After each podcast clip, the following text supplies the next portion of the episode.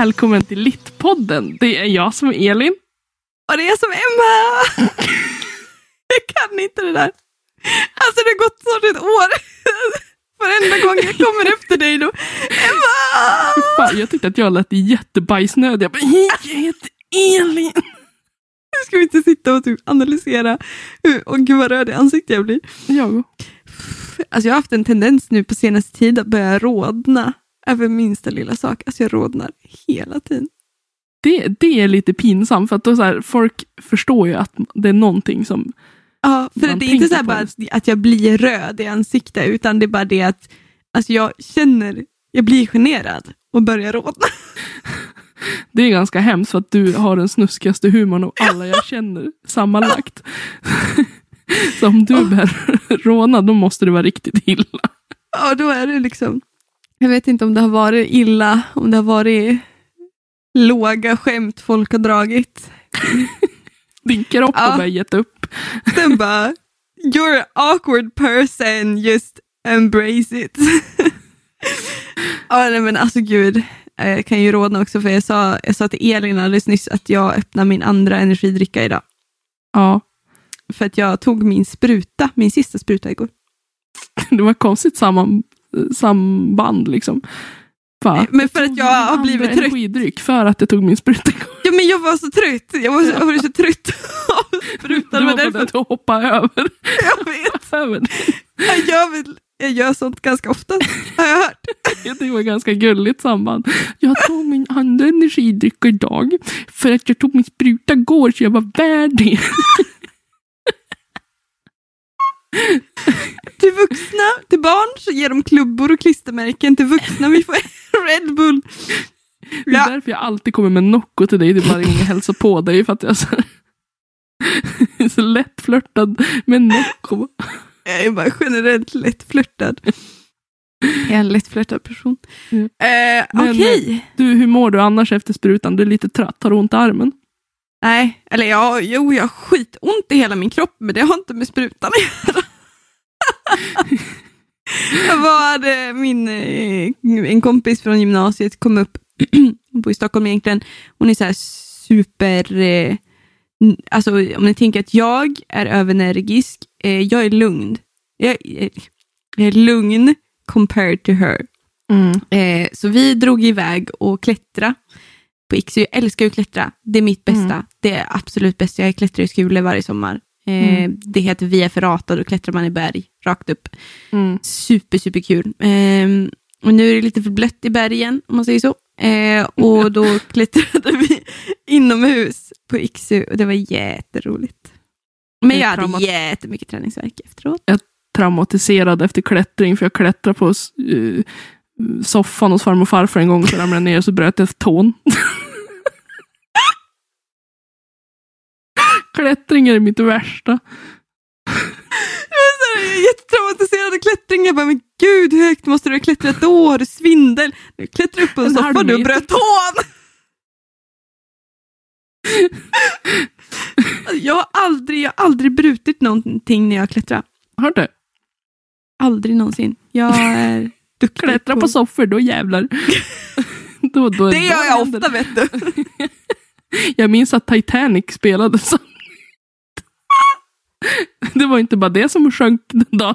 Ja men snälla. Nej men det är bra. Mm, Jag har träningsvärk, jag har lite ont i armen. Eh, men eh, vi står inför ett jätte, jättetufft moment eh, nu. Jag läser ju den här, jag kom ju in på mastern och då läser jag ju det nu. Måste. Ja. Ja. Avancerad nivå av litteraturvetenskap. Ja.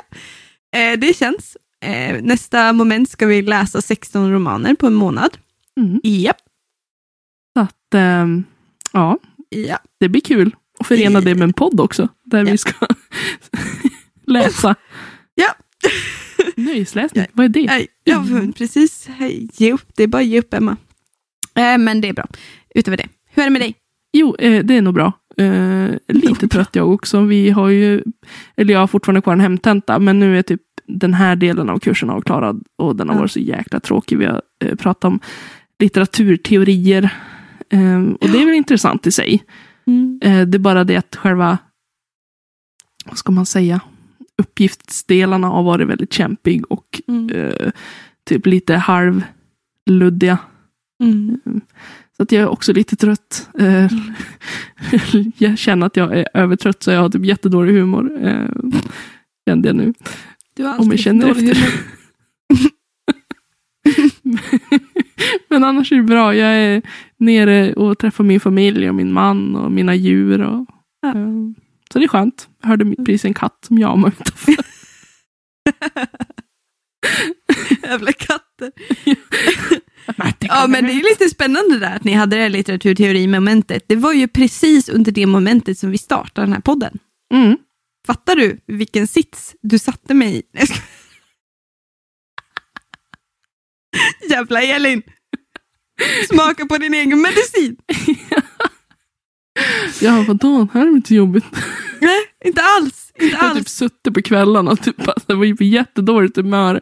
För jag ska skriva de här förbannade protokollen. Så bara, känner att livslusten bara sakta men säkert lämnar min kropp. Oh, men gud, jag och Ellen, en kursare till mig som läser nu också, vi sa det att alltså, vi tror inte duschar på en vecka. Vi, man klev upp, skrev sina protokoll, gick på seminarierna, åkte hem, läste, skrev sina protokoll, klev upp, skrev Ja, men alltså, det är ju ett jäkla ekorrhjul alltså. ja, det kommer inget- så här, men jag hann duscha.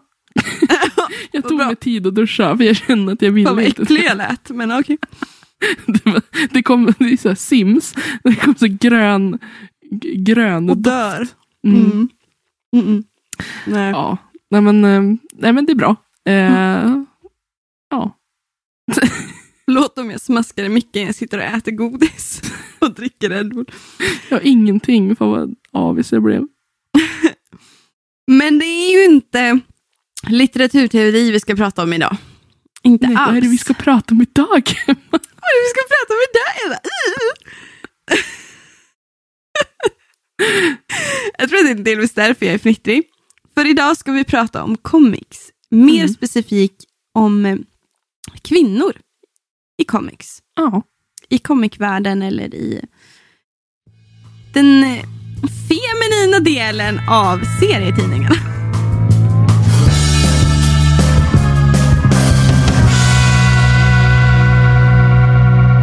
här är det ju en kvinna av oss som är mer insatt än, Än den, den andra, så andra. att säga.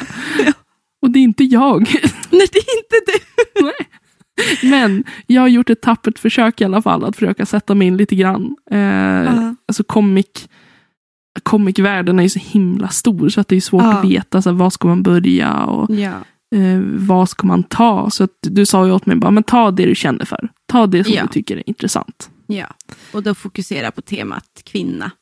Ja, och Helt kolla enkelt. på de kvinnliga karaktärerna, hur de skrivs fram. Mm. Och jag försökte Precis. också så här, jämföra lite nyare comics och lite Mm. äldre. Ja, du förkovrade dig ordentligt ändå tycker jag. Jag är ändå imponerad med tanke på att du inte ens visste var du skulle börja. Liksom. Nej, jag tänker att det lilla jag visste att jag går på det. Ja. Jag får utveckla det. Ja. Eh, Och bara så här, ja, men jag, jag tar någon, någon kända, kända karaktärer och ser vart Mm. jag hamnar. Och sen googlar jag lite grann. Och så. Ja. Mm. Comicvärlden har ju på sätt och vis utvecklats jättemycket, särskilt de senaste tio åren. Nu ser vi ju alla, de flesta serietidningar eh, från de större eh, comicförlagen då, som DC Comics och, eller Marvel Comics ser vi ju oftast på biofilmerna, i Mm. bioduken. Mm. i, i form av Avengers, Captain America, Black Widow, eh, Thor och alla dem. Mm. Även samma sak, alltså samma sak med, med DC, men Batman har ju till exempel funnits lite längre eh, än kanske Marvel, om man säger så. Mm. Inom Hollywoods, in, den hollywoodianska. Fre- Freudianska och hollywoodianska. ja, men det, alltså, det är ändå, det, alltså jag tror på det. Ehm, så att det är ju liksom, där kan det vara lite lätt någonstans Mm. att, eh, att okej, var ska jag börja någonstans? Ja, men vi börjar med de större då. Vi börjar med DC och Marvel liksom. Mm. Eh, det är lätt hänt att det blir så. Ja. Men den är ju som sagt gigantisk. Eh, och det är mycket som man, alltså, jag brukar göra åtskillnaden grafisk, ehm, en grafisk novell, en grafisk roman och, och försöka åtskilja den ännu mer från den, den grafiska, den comic-serietidningen. Mm. Att comics är för mig DC, Marvel, Vertigo, Dark Horse etc. Medan grafisk novell skulle kunna till exempel vara Tove Jansson. Mm. Helt enkelt. Men en serietecknare, en illustratör eh, och en comic writer, alla de är ju, det är man ju. Mm. Så länge man håller på med det här mellan, med samspelet mellan text och bild, helt Mm. enkelt. Eh, så det kan vara väldigt, man kan ju snarare titta liksom på Marvel Comics och alla de DC Comics som typ kanske mer populärkulturella då, helt enkelt. De är ju populärkulturella, men extremt populärkulturella och nischade inåt det. In mot geekvärldens superhjältar och krafter och sådana saker. Ja. Och vi skulle ju som sagt prata om kvinnor då. ja, Ja. jag blir så jätte, jag vill bara prata om allt. Men eh, kvinnan inom comicvärlden är ju lite av en, eh, en svår karaktär kan jag tycka. Eh, Mm. Vi ser idag att det är mycket, mycket mer kvinnligt än vad det har varit när till exempel Marvel startade upp där någon gång under början av ja, vad är det, 1930, 1940 där någonstans, och Stan Lee och de körde igång. Samma sak med DC. Där någonstans så var det ju nästan enbart eh, manligt kodat yrke. Alltså du, du kanske såg en kvinna som editor, sällan som här, comic writer. Jag tänker att det var också i det litterära överlag. Ja, Så var det ju, alltså. Männen Ja, var ju alltså- de som fick jobben liksom. Ja, det var ju männen som var de smarta. Vi Ja. skulle ju stanna hemma och ta hand om fucking barnen. Och sådana saker. Och läsa comics för dem. Så att, idag så ser vi mycket mer, men det är, jag kan uppleva, jag sa det till Elin också, liksom, att jag kan ju prata väldigt mycket från mina egna upplevelser och mina egna erfarenheter, för jag har inte så mycket statistik, utan det här är generella åsikter. Jag kan uppleva att comicvärlden fortfarande styrs väldigt mycket av det maskulina. Mm. Eh, allt ifrån kring eh, stereotypiskt, eh, alltså stereotyper i karaktärer, men också hur många killar jämte kvinnor det är kanske på en, en, så här, en träff, eller hur du bemöts i nördvärlden som, som tjej eh, Mm. och sådana saker. Jag säger det rätt så ofta att jag kan uppleva mig väldigt ifrågasatt, ifrågasatt ständigt. Mm. Ehm. som kvinna i den här nördkulturen. Ja. Liksom. Exakt. Och då är det liksom... Och särskilt ifrågasatt av den historiska kunskapen, av liksom arketypen, av, av det här äh, kanoniserade nästan. Alltså de här, äh, man ska säga, kanonhjältarna. Superman, Mm. Batman, Alltså de är, som är liksom mest högt rankade eller som Ja, är alltså- mest... Eh, de man känner igen. Ja. Typ. Inom indieförlag så kan jag uppleva att man kanske inte är lika ifrågasatt, om man säger så. nej. Men eh, att all kunskap, att vara en nörd, att vara en supernörd, det är alltid lite så här... äh, Ja, man är ju ständigt ifrågasatt som kvinna. Det är ju bara ett helvete Mm. att vara kvinna. Men eh, jag eh, passade på ändå någonstans att ta in lite liksom tio kvinnor som jag hittade. Eh, som har gjort, liksom en, gjort avtryck inom comicvärlden. Där är ju tio kvinnor av säkert jättemånga som har gått under radarn. Vi har Dahlia Messick. Eh, som gick under Da- pseudonymen Dale Messick under 1940-talet. Mhm. Mm. Ehm, skapade hon ju eh, en så här dagstrippserie som, eh, som heter Brenda Star. Ehm, och sen så har hon ju varit liksom, hon blev ju liksom mm, typ den första kvinnan som sysslade med actionscener och skapade liksom första kvinnliga serieskaparen. Eh, Mm. ish.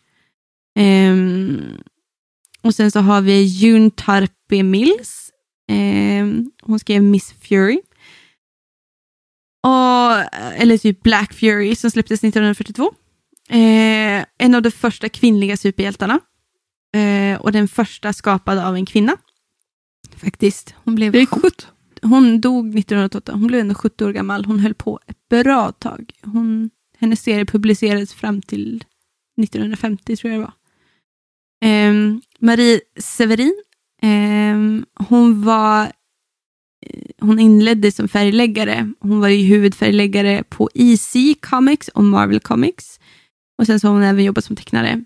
Eh, och sen så eh, när EC Comics la ner alla sina tidningar förutom Mad så jobbade hon främst med Marvel Comics och hon gjorde sina insatser med typ Doctor Strange och The Incredible Hulk. Eh, och sådana saker. Mm. Hon valde också in är liksom information jag har googlat upp och sen så gått in på olika artiklar om varje person, så jag försöker vara lite snabb, för det är väldigt mycket information om de här. Men hon mm. blev också valdes in i Eisner Hall of Fame 2001. Asnice. Mm. Sen har vi Janet Kahn. Eh, hon, hon, 1976 blev hon eh, färgläggare på DC Comics och fem år senare också chef för hela förlaget. Mm och var då också världens mäktigaste person inom serievärlden. Då. Eh, och den enda kvinnan som nått den positionen. Det är också eh, coolt. Ja. Det var ju lite tufft där. Eh, hon var ju huvudansvarig för förlaget under det som kallas the DC Implosion, eh, men kom tillbaka starkt under DC-renässansen där. Eh, med Crisis on Infinite Earth. Ni har säkert sett de här serien, DC-serier, Arrow, Flash och alla de, de kör ju oftast Crisis on um, Infinite Earth när alla bara blandas, alla serier, hjältar blandas och träffas upp och skapar liksom parallella världar. Ja, mm. där. Eh, och sen har vi Karen Berger. Eh, hon har gjort omslag till Vertigo Jam av Glenn Fabry med några etiketten mest kända figurer. Mycket copyright DC Comics, eh, mångårig redaktör på DC Comics och hon var även redaktör för Wonder Woman när eh, tidigare George Perez arbetade på serien. Men hon är ju liksom mest känd för Vertigo, om man säger så. Eh, redaktör för Swamp Thing under större delen av Alan Moores tid. Då. Alan Moore är också en sån här guru. Eh, hon värvade ju till exempel Neil Gaiman som, som eh, skräck-comic writer och sådana saker. Och liksom, det var ju där, det var ju hon som såg till att han skapade The Sandman-verse. Mm. För övrigt, The Sandman som jag pratade om i vårt tidigare komikavsnitt över jul, Act akt två har släppt på Audible, så jag ska försöka hitta tid och läsa, lyssna på den. Lycka till och försöka hitta tid det här året. Ja, helvete. Hon fick också Eisner-priset för bästa redaktör 92, 94 och 95. Mm. Vi har Louise Simonson. Eh, hon körde också då Marvel Comics, gjorde hon. Hon började som redaktör Eh, bland annat med Uncanny X-Men och New Mutants. Men hon är ju mest känd som författare. Äntligen kommer en riktig författare här. Mm. Eh, hon skrev bland annat då New Mutants och X-Factor och Power Pack. X-Factor och Power Pack är ju lite så här, de, är inte, de vart inte riktigt jättestora. Eh, okay. Men man känner ändå till dem. Eh, och hon skapade dem själv då för Marvel Comics. Eh, men för DC Comics så skrev hon bland annat Superman The Man of Steel. Och var en av de som också skapade Death and Return of Superman. Eh, vilket också eh, de senaste Superman-filmerna och eh, alltså där, vad heter de? Jag har så dålig koll på DC. Men när det hela gänget är samlat, Justice League är samlat, eh, när filmerna som baserar på The Death and, and Return of Superman är de filmerna baserat på. Så det är hennes idé de filmerna är baserade på. Fan vad jag... Ann hon gjorde omslaget till Daredevil nummer 256 med Typod Mary, en, en jag själv älskar och äger en komik. Mm -hmm. Älskar den. Typod Mary är ju typ en av de galnaste som finns. Hon är helt, hon, hela karaktären baserar sig på att hon är galen. Och hon ser galen ut, hon är svincool och sjukt sjuk i huvudet och power väldigt mm. mycket. Eh, vi fick också lite Typod Ma äh, vet det, Mary även i Daredevil-serien som Netflix släppte. Hon har jobbat, alltså det är ju så här, Frank Miller är ju författare för Daredevil. Eh, och han fick ju någon blackout där någon gång efter Sin City. Och hon tog ju över hans arbete då med Daredevil. Och jag tycker hon gjorde det värdigt. Hon Mm. tog bort den från Millers själva noir-influerade liksom, stil och gjorde det lite mer surrealistiskt för att göra liksom, hon gjorde karaktären till sina och jag tycker att hon gjorde det riktigt, riktigt bra. Men hon är ju mest känd för att ha skapat och Typhoid Mary som är liksom en, eh, en kvinnlig ärkefiende till Daredevil, om man säger Mm. så. Hon har också skrivit Green Arrow och Kid Eternity för DC Comics. Vi har Gail Simon som skapade The Birds of Prey nummer 67 och Greg Land. Eh, alltså hon har varit lite överallt. Hon var med i Green Lantern och sen så startade hon en webbsida 92, 99 som uppmärksammade och kritiserade faktum att kvinnliga seriekaraktärer ofta utsattes för övervåld och inte sällan av sexuell natur. Eh, hon är en person jag gärna läser artiklar av och jag ser upp till väldigt, väldigt mycket. Mm. Eh, så kolla in henne. Hon har även liksom blivit prisbelönt av GLAAD eh, för att ha medverkat till att synliggöra liksom, hbtq-personer i sina serier. Okej. Ehm, så Gail Simon, hon, hon, she's a queen. She's a goddess. Två tummar upp. Två tummar upp. Kelly Sue Dunneck, eh, hon har också gjort det här, legat bakom eh, hashtag visible woman, eh, women-rörelsen på Twitter för att då arbeta att undvika kvinnliga stereotyper i comics. Vi har G. Willow Wilson eh, som gjorde omslaget till första samlingsvolymen Miss Marvel. Miss Marvel är en nyare Marvel-karaktär. En ung flicka som faktiskt inte än, jag har inte läst jättemycket, men inte än har blivit sexualiserad. Mm. Och då även är troende muslim. Och jag tror, jag kan hämta det här, men det är för mig att Miss Marvel är en av de första eh, muslimska eh, Marvel Comic superhjältarna Okej. eh, som har skapats och är super, super cool. Jo, precis. Eh, Wilson, här, Emma, du måste läsa dina egna anteckningar. Precis. Wilson var den som, hon själv är muslim. Hon skapade den första kvinnliga muslimska superhjälten, Kamala Khan, den nya Miss Marvel. Hon är sedan november 2018 författare för, på Wonder Woman.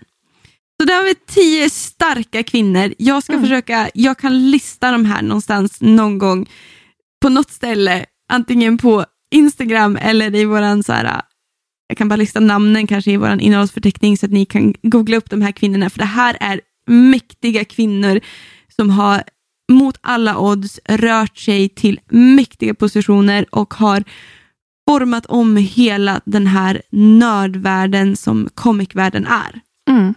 Eh, och jag tänker att vi tar avstamp i, i Gail Simmons om det här med de sexuella, sexuella stereotyperna Mm. eh, när det kommer till kvinnliga superhjältar. Eh, något som är väldigt intressant. Eh, jag själv har ju läst väldigt mycket comics sedan jag var ung. Eh, men kan ju titta tillbaka nu på de comicsen jag ägt och de eh, comicsarna som jag köpt som hör till min generation så där vid 80-90-talet släpptes där runt. De har ju en väldigt speciell eh, de är ju illustrerade på ett väldigt speciellt sätt. Om man tittar Mm. på stereotyperna lite utseendemässigt, alltså hur de är utformade. Men de har också väldigt speciella psyken, Mm. man säger så. För jag, jag tänkte också väldigt mycket på, vi pratade lite grann igår om Ja. det jag hade läst. Mm. Och jag hade bland annat googlat och hittade Mm. någon kontrovers eh, angående She-Hulk. Yes, Eh, den där är ju spännande. Ja, och Pedofilivarning där. Ja, alltså man fick också se, jag fick se liksom omslag om hur hon eh, ritades. Ja. Eh, till skillnad mot för Hulken. Mm. Och att hon då sexualiserades väldigt tydligt. Alltså det är ju verkligen så här, typ som ett utviknings... Eh, ja, hon eh, var ju liksom porrhjälten. ja. Och Helt hon enkelt. skulle också vara, jag läste, jag läste dels en, eh, eh, ja, men en, ehm, eh, en comic från 94 och en från 2019. För jag ville se Ja. skillnaden. Ja. Om, om de hade ändrat lite grann i hennes utseende och hur hon betedde sig och så vidare. Mm. Eh, och någonting jag märkte i den från 94, det var ju att hon skulle framställas som väldigt flickig. Ehm, och att hon, ja men hennes pappa kom på besök och Mm. han bar väskor. Ja. Och eh, hon erbjöd sig och men jag kan bära väskorna. Och han sa, nej men det är klart min, min lilla flicka ska inte behöva bära några väskor. Hon Det bara, här är ju "Men- She-Hulk, alltså Ja. den kvinnliga formen av The Hulk. Ja. Och så berättade han att han hade sålt huset och det hon blev ledsen över det var att han hade packat ner hennes lilla rosa eh, gosedjur liksom.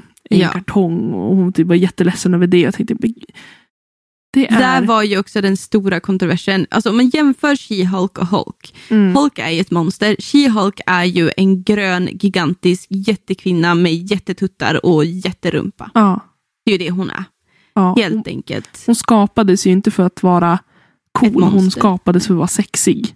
Ja. En sexig version. Och sen så har vi ju kontroversen då att hon är ju en vuxen kvinna. mm, Hon är ju utbildad advokat, är Ja. hon. Och hon blir upprörd över att pappa packar ner hennes rosa gosedjur, mm, eh, precis som ett barn. Och många gånger kommer det sådana saker där de alltså lägger in på den här nu supersexualiserade eh, kvinnan, eh, superhjälten, monstret, för hon är ju en Hulk. Hon är ju Ja. en Hulk. Ehm, barnsliga preferenser, barnsliga beteenden. Ändå precis kan jag som- tycka att hon är coolare än Hulken. För att Ja. hon, kan ju, hon förändras, ju, hennes beteende ändras ju inte. Nej, Han, han blir ju en, som en annan person han blir Hulken. han blir ju bara ett djur. Typ, ja, nästan. och hon har, behåller ju liksom sin kontroll. Och det är det som är så coolt med henne. Att hon, Mm, hon har full kontroll över sina styrkor. ja. Men att det framkommer ju inte för att man, man sätter den här Se bara karaktären. tuttar, Ja. jag säga. Ja, men hon, är, hon är liksom bara till, där för att vara någon form av våt dröm för många. Typ att, Japp. åh, man... Mm. Och Och ett- jättemånga gånger där hon, hon, hon gestaltas, skrivs in i sexscener. Ja. Där hon har sex med olika andra manliga superhjältar. Och så. Och det har ju också varit en sak som har så här, bothered me. Jag tycker att, det, att hon är väldigt så här, hon är cool, att hon står för sin egen sexuella frihet. Men det är ju inte därför de här sexscenerna har skapats. Det är ju för att vara en våtdröm Mm. för män. Mm. Jag tyckte ändå att det hade blivit lite skillnad eh, i 2019-utgåvan. Mm. Eh, hon hade ju fått en, en liksom mer heltäckande body i första Ja. ja. liksom komikern. Då gick hon runt i ett eh, nattlinne. Liksom. Eh, Bra. eh, eller om det var en liten morgonrock som inte lämnar mycket för fantasin. Liksom. Nej. Men nej, alltså det var alltså själva She-Hulk var ingenting som tilltalade mig. Jag var mer så nyfiken på hur, ja, men hur de ändrade liksom i själva karaktären och hur de ritade henne och hur, hennes repliker och sådär. Ja. Um, så jag tycker de, de måste ändå ha tagit till sig. eh, Ja, den har, ju, den har ju blivit, som sagt, det är ju mer och mer kvinnor som styr i den här världen. mm, Men det går väldigt sakta tycker jag. Ja, nu kollade jag aldrig upp vem som hade ritat henne eller skrivit den komiken, den som var äldre. Men jag vet att det var en man som hade skrivit Mm. den från 94. Han hette John Byrne. Mm. Byrne. Byrne.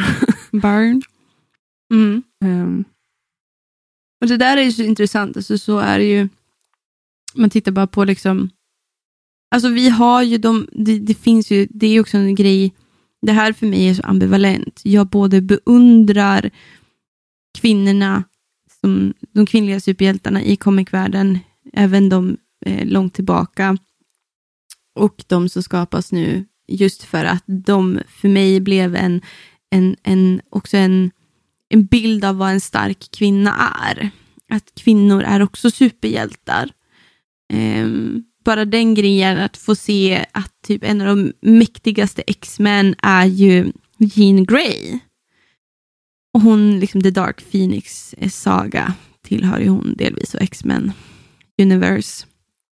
Att, att, att det är då en kvinna som är den starkaste av dem, just X-Men. Ehm, ja, tillsammans med Professor X och Mm. dem. Men Prosit. åh, den bara smög sig på mig. Eh, så där har jag fått växa upp med att ha, sån, att ha sådana förebilder. Det, Mm. det är ju ovärderligt. Men jag har också vuxit upp i en över, där kvinnan översexualiseras rent fysiskt. Det är stora tuttar, stora rumpor, det är eh, många gånger den här eh, blåsta bimbo-referensen. Eh, och även den här eh, Ja men Jean Grey är ju typ en av de starkaste men hon faller ju också så här äh, offer för att Cyclops, hennes kille då, ska rädda henne och ibland blir hon olycklig. Åh Cyclops, var är du? Man bara, men du är så kapabel själv, kvinna. Och så, eller, typ, två ben. eller bara det här triangeldramat mellan henne, Cyclops och Wolverine.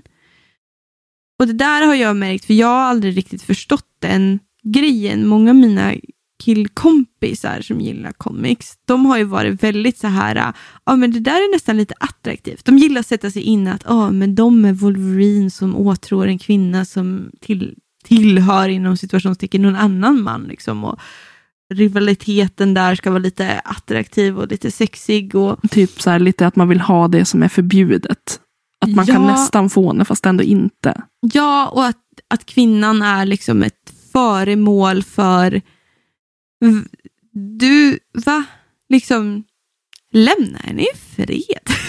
Många, alltså många gånger så jag älskar Wolverine, han är en av mina favoritsuperhjältar. Älskar hela den, den storyn med han. Men, men, men lägg av. Hon vill inte ha det. Nej, Eller vad vill liksom, nu, nu är inte jag så insatt i den eh, typen, men jag vet i alla fall i film och sådär. Eh, om det är ett triangeldrama. Ja. Då ska ju alltid, det är alltid tjejen som fastnar mellan två killar nästan. Ja. Och att hon ska alltid vara så kluven. Mm, Eh. Ja, för att det där är också den där ambivalensen, hon kommer ju efter sitt bröllop, i alla fall i, den, i själva den animerade serien. Jag kommer inte ihåg om det gör det i själva, men jag tror det. Men hon kommer ju efter sitt bröllop med Cyclops till Wolverine och bara, varför dök du inte upp på mitt bröllop? Jag saknade dig där. Och man bara, girl. Tänk om vi hade gjort så när vi hade gift oss. Va? Ja, Inte för att jag hade någon som jag ville skulle komma dit. Eller jo, de jag hade bjudit naturligtvis. Nej, ingen får komma på mitt bröllop. Nej, men tänk om man liksom precis har gift sig. Då är man ju, alltså, nu talar jag, jag, jag kan inte tala för oss båda, men jag antar att man, man känner sig väldigt lycklig efteråt. Eh, man är liksom, man skulle aldrig tänka på någon annan än att vara där och då. Kan jag tycka. Mm. Jag är ju som sagt en ambivalent person. Jag gillar ju, alltså det där är det jag försöker förklara. Alltså det där är ju också någonstans, det är ju också det bra med de här comics-exemplen som jag drar nu, särskilt det där med bröllopet. Det där är ju väldigt mänskligt dock. Och jag förstår vad du menar, du själv skulle inte önska att en person som du har triangeldrama med ska ju vara på ditt bröllop. Det vill man ju inte önska någon, delvis för din egen skull. För Nej, men fan vad det, awkward. det, det, alltså, Och jag tycker så- inte att det är mänskligt. Hur ofta händer det då? Att man gifter Nej, men sig och så nej. går man till någon annan och bara varför kom du inte och störde mitt bröllop? Nej, men det var inte det att hon gick och sa att varför kom du, varför kom du, han är ju fortfarande vän med dem. Jaha, Att, det där, att att, typ att att relationer är komplicerade, det tycker Ja. jag är bra. Men det är just den här grejen att det jag ville komma till var att Wolverine var ju typ upprörd, arg på henne och beskyllde henne och det var hennes fel. Och hon bara, ah, jo jag vet det är mitt fel, det är mitt fel. Och man bara, men kom igen. Wolverine, det är du som, du som går kring och är kåt på en annan, en annan som, som inte är tillgänglig. Ja. Jag förstår att det gör ont att vara kär i någon och, och älska någon som, som du aldrig kommer få. Men varför beskylls kvinnan för det? Ja. Sen jag så trodde typ att jag- det var så här jag- skriv... Jag tänk, tänkte att det var typ att det var skrivet att hon hade önskat att han skulle komma och typ protestera mot deras Nej. äktenskap för att hon skulle ha Nej. den möjligheten kvar. Nej, Och det var det jag tänkte att hur troligt är det? nej, nej, det var inte det. men jag behövde bara avsluta min långa förklaring. Nej, utan jag tycker däremot att de beskriver ja, triangelförhållandet, hur konstigt och jobbigt det än är, att det måste vara kvinnan som är föremål för det. Men Mm. De gör det också väldigt mänskligt så. Så det är alltid väldigt ambivalent det här. Det finns så otroligt mycket positiva saker. Det är jag som känner som kvinna och vuxit upp i den här världen och läst de här tidningarna och de här berättelserna tycker att oj vad mycket jag har fått hämta, vad mycket styrka. Men där är också så mycket problematiskt Mm. rent på kvinnosynen. Ja, Och då det- kan vi prata om kvinnosynen i till exempel DC Comics. ja. Eh, Harley Quinn och Ja. Ja, men exakt. För där grottar jag ju ner mig. För jag har ju Mm. som de flesta sett Suicide Squad och sådär. Ja. Ehm, och jag vill ju också veta så här, hur ser deras relation ut i comicsen. Mm. Och det är ju väldigt tydligt att Jokern är en jävla bajskorv. och hon är hjärntvättad och trasig liksom som kämpar frenetiskt för att få hans kärlek och som inbillar Ja. sig att hon får den. Mm. Hon är ju en emotionell en emotionellt nedtryckt människa i det förhållandet. Fan vad trasig man kan vara. Ja, och jag, jag tycker att hon är en väldigt rolig karaktär. Hon har väldigt många roliga comebacks, eh, många Mm. roliga repliker. Men jag tycker att hon, det är också en väldigt sorglig karaktär. För att hon var ju, innan hon eh, träffade Jokern så var hon ju liksom, hon var ju framgångsrik. Ja, hon är ju skitbra psykolog. Ja, Och så finns det ju en ark om henne, en trope om henne, att hon har haft ett eh, självskadebeteende innan. Att hon är psykolog för att hon typ antingen, hon har blivit utsatt för olika trauman och övergrepp i sin barndom. Typ. jo, jo, men så kan det ju vara. Så jag tror att säkert att det kan vara för många människor som jobbar eh, med att hjälpa andra människor. Att man liksom kommer ur egen erfarenhet och känner att man vill tillföra någonting. Mm. Eh, men det är så typiskt det där att en man kan få kvinnan att bara tappa henne helt. Ja. För det, alltså det absolut värsta med mig, med, med, för mig med de här med Harley Quinn och Jokern, det är att hon alltid går tillbaka till honom. Ja, han, han ber bara om ursäkt fast han inte ens menar det. Liksom. Han, Och han, alltså det är ju liksom, det är ju alltid från sexual abuse till liksom domestic violence. ja, Det är ju verkligen vidrigt. ja, Och hur det där blir, liksom, alltså det kan man ju se även i de här lite barnsliga delarna av comicvärlden, n- när en comic inte skrivs riktigt för vuxna och den är lite mer barnvänlig. Att det är liksom så här, äh, han kan ju slå henne då också. liksom, ja.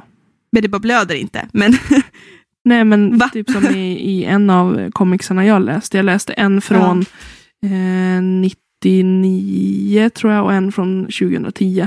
Så att det skilde sig nästan tio år. Eh, ja. Och i en av dem så försöker ju Jokern att döda henne.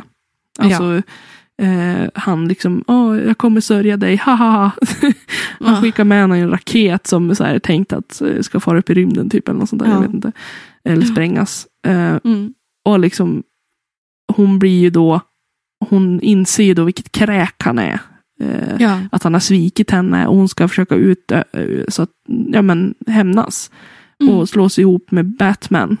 Mm. Men eh, Jokern ber om ursäkt och då är allting frid och fröjd. Mm, kär igen. Ja, hon är ju. Men det, Han är är, det är en väldigt snygg. bra beskrivning. Va? Han är inte snygg. Han ser Han är ut som... inte snygg. Ja, vad fan, det är för mycket begärt. Om man nu ska slå mig, kan han inte vara så jävla, kan han inte vara jävligt snygg då då? Hallå? Jag tror att det var Poison Ivy som så här, bara, han ser inte så bra ut. Han är så charmig. Man bara, vart då? Vart då? Nej men, det är ändå en bra, en bra metafor, en bra gestaltning av ett väldigt, väldigt eh, snett förhållande. Mm. hur, hur svårt det kan vara att ta sig ur som kvinna, ta sig ur liksom tuffa, tuffa förhållanden och Ja. särskilt med män. Men det är liksom så här, äh, det är just den där när man gör den till någonting ogreppbart, man gör det till någonting satiriskt så många gånger det har varit. Eftersom det är Joker och Harley Quinn, det baserar sig på väldigt mörk humor och väldigt, det vara lite roligt och lite klackspark och då är det ju allt det. Och Men då är det ju väl väldigt intressant mörkt. om man ser till filmen Suicide Squad. Ja. Där, alltså, nu har inte jag sett uppföljaren för jag vet att i, i Birds of Prey gjorde de ju slut. Mm. Eh, men att i första filmen var de ju inte där var det ju liksom ett väldigt romantis en romantiserad syn på deras förhållande. Mm. Det var ju liksom, han var ju fortfarande bad boy och lite psykotisk. Men Mm. det fanns ju det fanns en otrolig kemi dem emellan. Mm. Eh, och det verkade ju som att han verkligen älskade henne i den filmen i alla fall. Mm. Men i comicsen så är det ju väldigt tydligt att han inte gör det. Och det är ju det som är grejen. Han är ju en psykopat.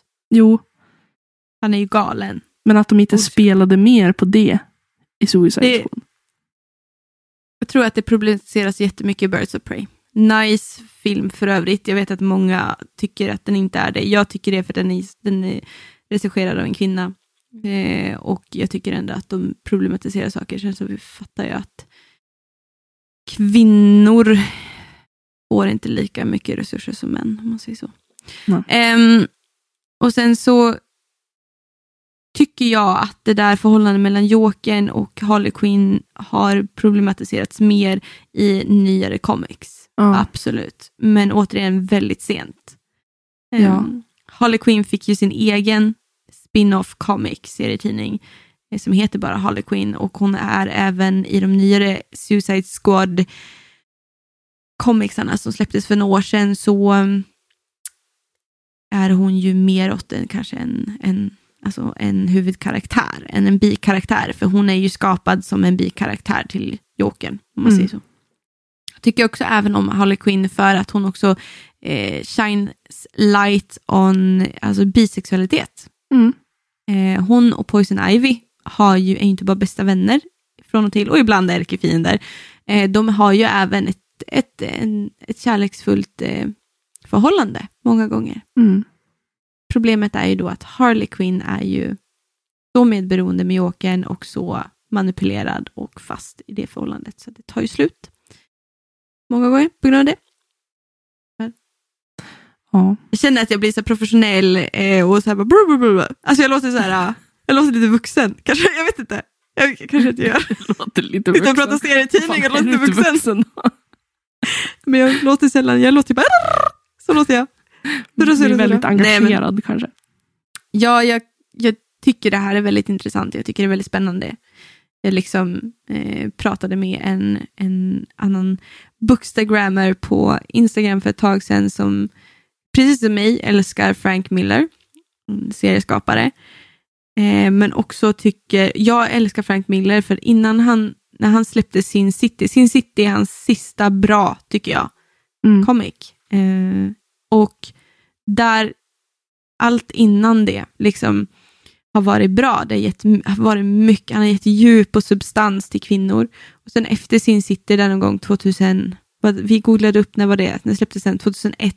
Ja, något sånt. Efter 2001 någon gång så, eh, så var det som att han bara, nu citerar jag den här bookstagrammen, eh, blev gubbsjuk Ja. alla...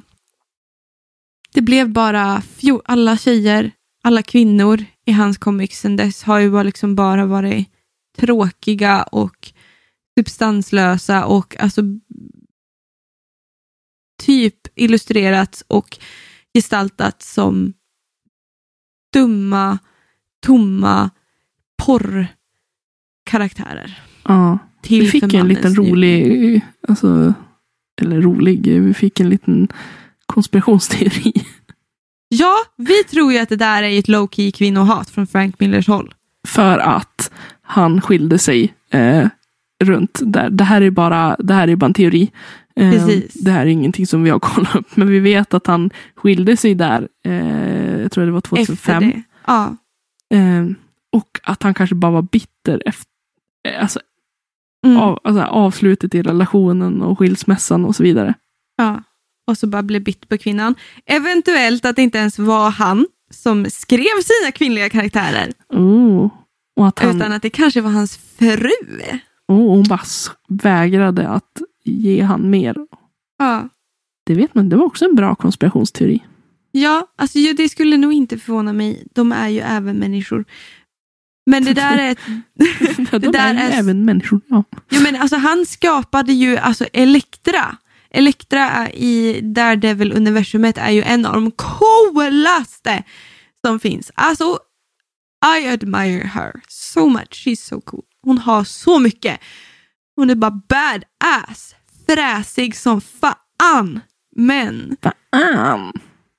men alltså efter Sin City och allt det som kommer nu under 2000, millennieskiftet och 2000-talet. Bara, hur kan det vara samma person som gjorde Elektra? Och att det blev sån gör stor skillnad. Det är sån gigantisk skillnad. Alltså det är liksom så här, bara, vad, vad hände? Och då känns det som att alltså antingen bara att, ja men okej, han vart gubbsjuk. Eh, och typ bara började se tjejer som porrskådisar för att han var bitter och en idiot till man eh, efter han hade skilt sig. Ehm, eller så bara var det inte han. Fan. Det är plagiat! Satan! Satan! Det är plagiat Tänk, alltihop! tänk, om vi Helvete! blir, tänk om vi blir utplånade tänkte jag säga. Det kommer en Tänk om jävla vi hemlig agent och Marvel bara, Comics. Frank Miller Corporation. om, om vi dör under mystiska omständigheter så är det fan Frank Miller. the. Miller is the killer.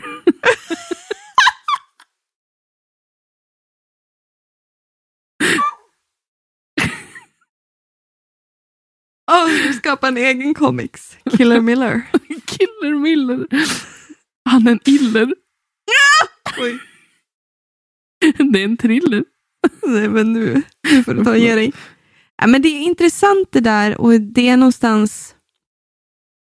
Jag vet inte, jag beundrar jättemycket de, de Marvel Comics superhjältarna och DC Comics superhjältarna som finns och, och så. Men Förlåt, jag tänker bara på han som iller. Förlåt. var det därför du backade från micken? Jag ville inte skratta men jag kunde skratta. Fy, Förlåt. Och så kommer du ändå och skrattar och säger det. Good job. Humorn. Nej men, det är så svårt någonstans att vara också kvinna i den här världen. Eh, man, särskilt jag, ja nu ser jag, nu är jag rätt så alternativ, sluta flina nu Elin. Åh helvete. Eh, Jag, ser, jag vill se rätt så alternativ ut med alla mina tatueringar och shit. Ehm, men någonstans kan jag uppleva många gånger när man kliver in i en comikaffär, man kliver in att det är liksom det förväntas av dig även som en, en fan, ett fan till comics att ha ett visst appearance, att vara så extremt annorlunda, eh, att vara så extremt alternativ. Och jag säger ingenting att det inte är något fel på det. Alltså, hallå, jag hette Emma Emo under typ hela min tonår. Alltså jag var sånt emo. Så att det, alltså, shit. Otroligt. Jag har en jätterolig story som jag ska berätta för dig om det där. Ja, det är bra. Men, eh, att, och då om man kommer in där liksom som, mm, ja, jag inte vet jag. Alltså jag vet inte, jag kan ibland bara uppleva att kommer jag in där i liksom, och bara se ut som jag i min stil, alltså som jag brukar göra. ehm, inte ser, om jag inte ser superalternativ ut, då kan det Mm. vara lite så här, bara, gud, vad gör du här? Och man bara, lever fortfarande den här kulturen kvar? Ja. där liksom geekar, nördkillarna blir typ livrädd för tjejer. Alltså det är ju en sån stereotyp. Det är en sån nidbild av nörden. ja. Och den, Men på jag sätt kan och inte vis tänka mig det. att den stämmer. Alltså, jag kan inte Nej. tänka mig att alla killar tänker Nej så. inte, nej, inte alla killar. Nej. Absolut Så inte. att- Absolut inte. Vad Men, är det som gör att den känslan hänger sig kvar? ja, exakt. För Är att för även att om det inte liksom är är- killarna det kommer ifrån, så är det ju någonting, in, alltså någonting från mig. Alltså någonting i mig som har känt att jag måste pushas in i en speciell, jag får inte vara liksom nörd och gilla mode, typ. Nej. Många gånger känner jag. Men att man blir intalad eh, indirekt. Att Mm. du måste vara på ett särskilt sätt Ja. eh, för att gilla det här. Men så är det väl också med mycket, tänker Ja. jag. Att ja. Är du ett metalhead ska du fan se ut som ett metalhead, Ja. typ. då kan du kanske inte, eller ja, då kanske folk höjer på ögonbrynen om du har en preppig stil. Liksom. Precis. Men Ja, men precis. Jag är lite preppig nu. Jag är lite preppig nu. Jag är lite preppig nu. Ja, Nej, men jag tänker att det är ganska sjukt att ens intressen måste även spegla ens yttre. Att man liksom inte kan vara... Att man måste sätta folk i fack är ju eh, så jävla onödigt. Jobbigt! Ja, Alltså det är så jobbigt. Alltså det är så jobbigt att se ut som en nördig tjej. Alltså det är så jävla jobbigt. Alltså jag orkar typ inte. nej, och jag, Alltså, när man är mer öppen för att inte sätta folk i fack, det är då Ja. man lär känna de bästa människorna. För att Mm. då ger du alla en chans. Om du sätter någon i Mm. ett fack att, åh det där, eh, säg att du gillar metalhead och du, så, ja men det där är någon som klär sig preppy så den kan inte gilla det jag gillar. mm, Så stänger du ju en dörr, mm. kanske. För att du Ja, tänker att, Särskilt för kvinnan. Ja, och som liksom tänker att vad kan vi någonsin ha gemensamt? Men om man bara låter det här vara öppet och man tänker ge en människor en chans. Mm. Det är då man träffar alla som är fantastiska. Ja, och jag märker, jag fattar ju det att jag kanske inte... ehm, att det här är också extrema sidor av den här stereotypiska, alltså den här kulturen av att läsa comics. Men det är också så här, äh, den här sortens nisch, att stänga en kultur så otroligt som det har många gånger upplevt, särskilt som kvinna, har ju varit liksom jättejobbigt för mig. Jag hade ju en period under mina tonår där jag liksom bara, nej, alltså jag pratade inte comics med någon. Jag typ, jag typ retade min lilla syster för att hon gillade Superman. Va? Vad är det? Vem är jag? Sad face. Alltså det är ju helt sjukt. Men för att det är inte coolt och särskilt inte som tjej är det många gånger det upplevs att det inte är coolt. Är det att du blir ständigt ifrågasatt? Men, du är ingen riktig nörd. Kan du hela The Dark Phoenix-saga? Mm. Kan du hela Old Man Logan? Alltså man bara... Kan du? Nej, men, och lite så här, bara, det, fattar du hur jävla stor den här världen är? Självklart kan jag inte allt om allt. Nej. Är du dum i huvudet eller? Alltså på riktigt. Jag kan inte allt om allt. Nej och Det kan ju inte du även- heller. Nej, precis. Så backa! Jag intresserar mig för det jag intresserar mig för och sen så får du bara finna dig i det. Men av någon anledning, för att jag har fucking fitta, så blir jag ifrågasatt mer. Mm. Och så bara, och fine om jag bara kan ytliga saker. Alltså det, det hade så här typ samtal en gång med en bekant. Hon bara, nej men alltså jag kan inte, alltså ja, du kan inte prata comics med mig. Vi hade typ gått och sett en Marvel-film. Eh, och hon bara, "Ah, för jag, jag har ju typ knappt läst någonting och jag har ju bara sett filmerna. Så jag tillhör ju inte den här Marvel-kulturen. Jag bara, shut the fuck up! Det gör du väl fan visst det! Alltså vadå? Om du bara kan ytliga saker eller om du bara kan film, MCU-filmerna. Men vännen, det är helt okej. Mm. Det är som att Bjud in. kvinna, ja men bjud in. Alltså, du, alltså jag var så här, du får låna comics av mig.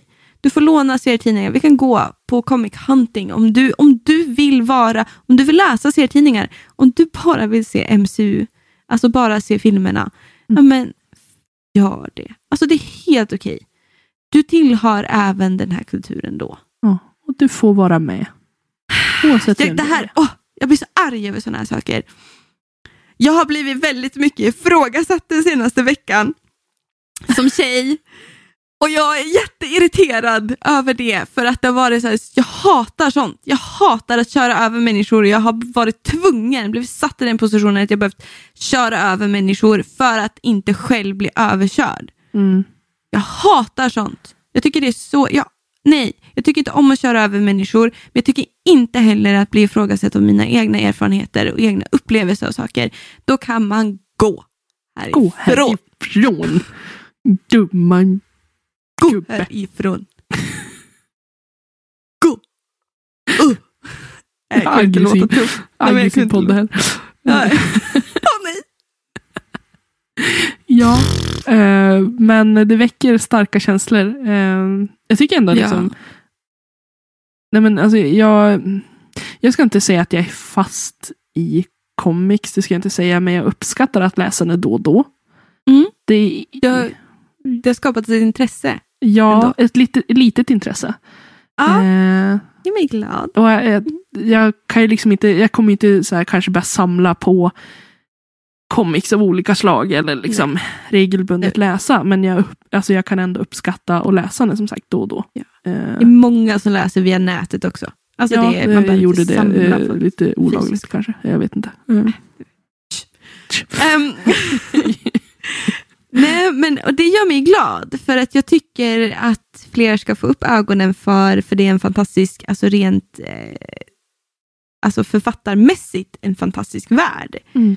Alltså där det har, alltså de här har hållit på så länge. Det finns så många stories, det finns så många universum och det är liksom det är så, så stort inom populärkulturen att man typ mår så jävla bra. Mm. It's a great time to be a nerd Mm. right now. Och jag går och faktiskt. längtar efter andra Venom-filmen. Ja, jag förstår det. Jag tyckte ändå om Venom lite. Eh, Jag gillade Jag den mycket. jag gillade den mycket. Ja. Ja, det där är ju sådär, det där är ju så någonting, det är ju den Personliga ska inte- preferensen. Ja, men alltså jag ska inte in i den ranten heller om att många som är så här örkennördar, de bara ah, man måste vara trogen storyn och man bara shut the fuck up. Jag tittar Det- på det jag tycker om. Sen kan Ja, alltså, hålla på käften. riktigt, smaken är som baken. Ja. Vi är olika allihopa och sen så måste ju saker få faktiskt förnyas. Ja. De inte stannar kvar i sin sexistiska lilla bubbla. Mm. Ja, typ så. Oj vad arg jag är. Kära värld, Och det är fredag. calm the fuck down. Ja. Ska vi spendera helgen med att vara arg? Jag ska spendera helgen med att skriva en hemtenta som jag valde att prokrastinera bort, hela den här dagen att starta med ens. Så, Ja. ja. Mm. Så du har det du gör. Jag ska också Ja. lämna in fast det är på onsdag. Mm. Eh, Och sen ska jag gå, jag ska gå och kolla Dune nästa vecka med dig och Joel. nästa vecka? Ja, när Ja. trodde du att vi skulle gå? Jag minns inte att vi bestämde vecka, men ja, vi ska gå. när du kom tillbaka upp igen, för Joel är här nu. Ja, jo. Eh, jag kommer upp till Umeå på söndag. Mm. Eh, jag tror jag har någonting planerat nästan hela nästa vecka. Ja, sucks Det blir be you. nice. Nej men det är roligt. Okej, vad bra. Ja, Ja. Då blir jag glad. Och sen så tänkte jag att jag skulle gå kanske själv och kolla på Shang- Shang-Chi. Shang-Chi? Shang-Chi? Det är en comic jag faktiskt inte har läst. Mm. Mm. mm, Men det är en ny, det är en ny Marvel-film, så jag tänkte jag ska kolla filmen faktiskt. Det blir nog bra. Men eh, alltså, det känns ju som att vi håller på att runda av här, så vi kanske bara ska fortsätta på det tåget. Eller? ja, ja, nu har du redan börjat runda av. Vi kan ju inte stanna upp. Det kändes som så. Vi, vi är ju snart uppe på våran ettårsdag Ja, faktiskt. eh, Vilket är väldigt spännande, för vi har överraskning. Vi älskar överraskningar. Ja. Elin älskar överraskningar. Jag tycker inte om överraskningar. Så därför teasar jag om en överraskning ja, nu. du hatar egentligen att tisa, men Jag vet. eh, vi är ju sådana som man, man vet aldrig vad som händer och sker, men eh, innan allting är hundraprocentigt klart så Elin är en osäker jävel. Jag säger att det är hundraprocentigt klart. Vi skulle kunna lika gärna berätta nu, för det är inte vårt fel om det inte blir av. nej. Paniken i dina ögon alltså. Vi har en grej på gång. Vi Keep- kommer säkert uppskatta det jättemycket. Det kommer inom kort. Ja, håll koll på våra sociala medier, Instagram och Facebook och ehm, så vidare. Eh, Mm. Och skicka in frågor. Vi uppskattar frågor, frågor, frågor. Det var så kul på vårt qa avsnitt Ja, det var jättekul. jätteroligt. Ja. Så hörs vi snart igen. ja, och ha en trevlig helg tänkte jag säga. Ja, nej, ja, kanske för er. Ja, Eh, det blir ja. torsdag när ni får lyssna så att ni har en helg framför er så att ni kan ju ha en Vad trevlig helg då. Eh, This is me from the future. händer? Jag förstår inte. Jag vet inte heller, jag måste gå och lägga mig. Åh, samma här, men Mm. herregud. Hörni, tack och hej. Vi hörs. Tacos, godnattos. Hejdå. Bye.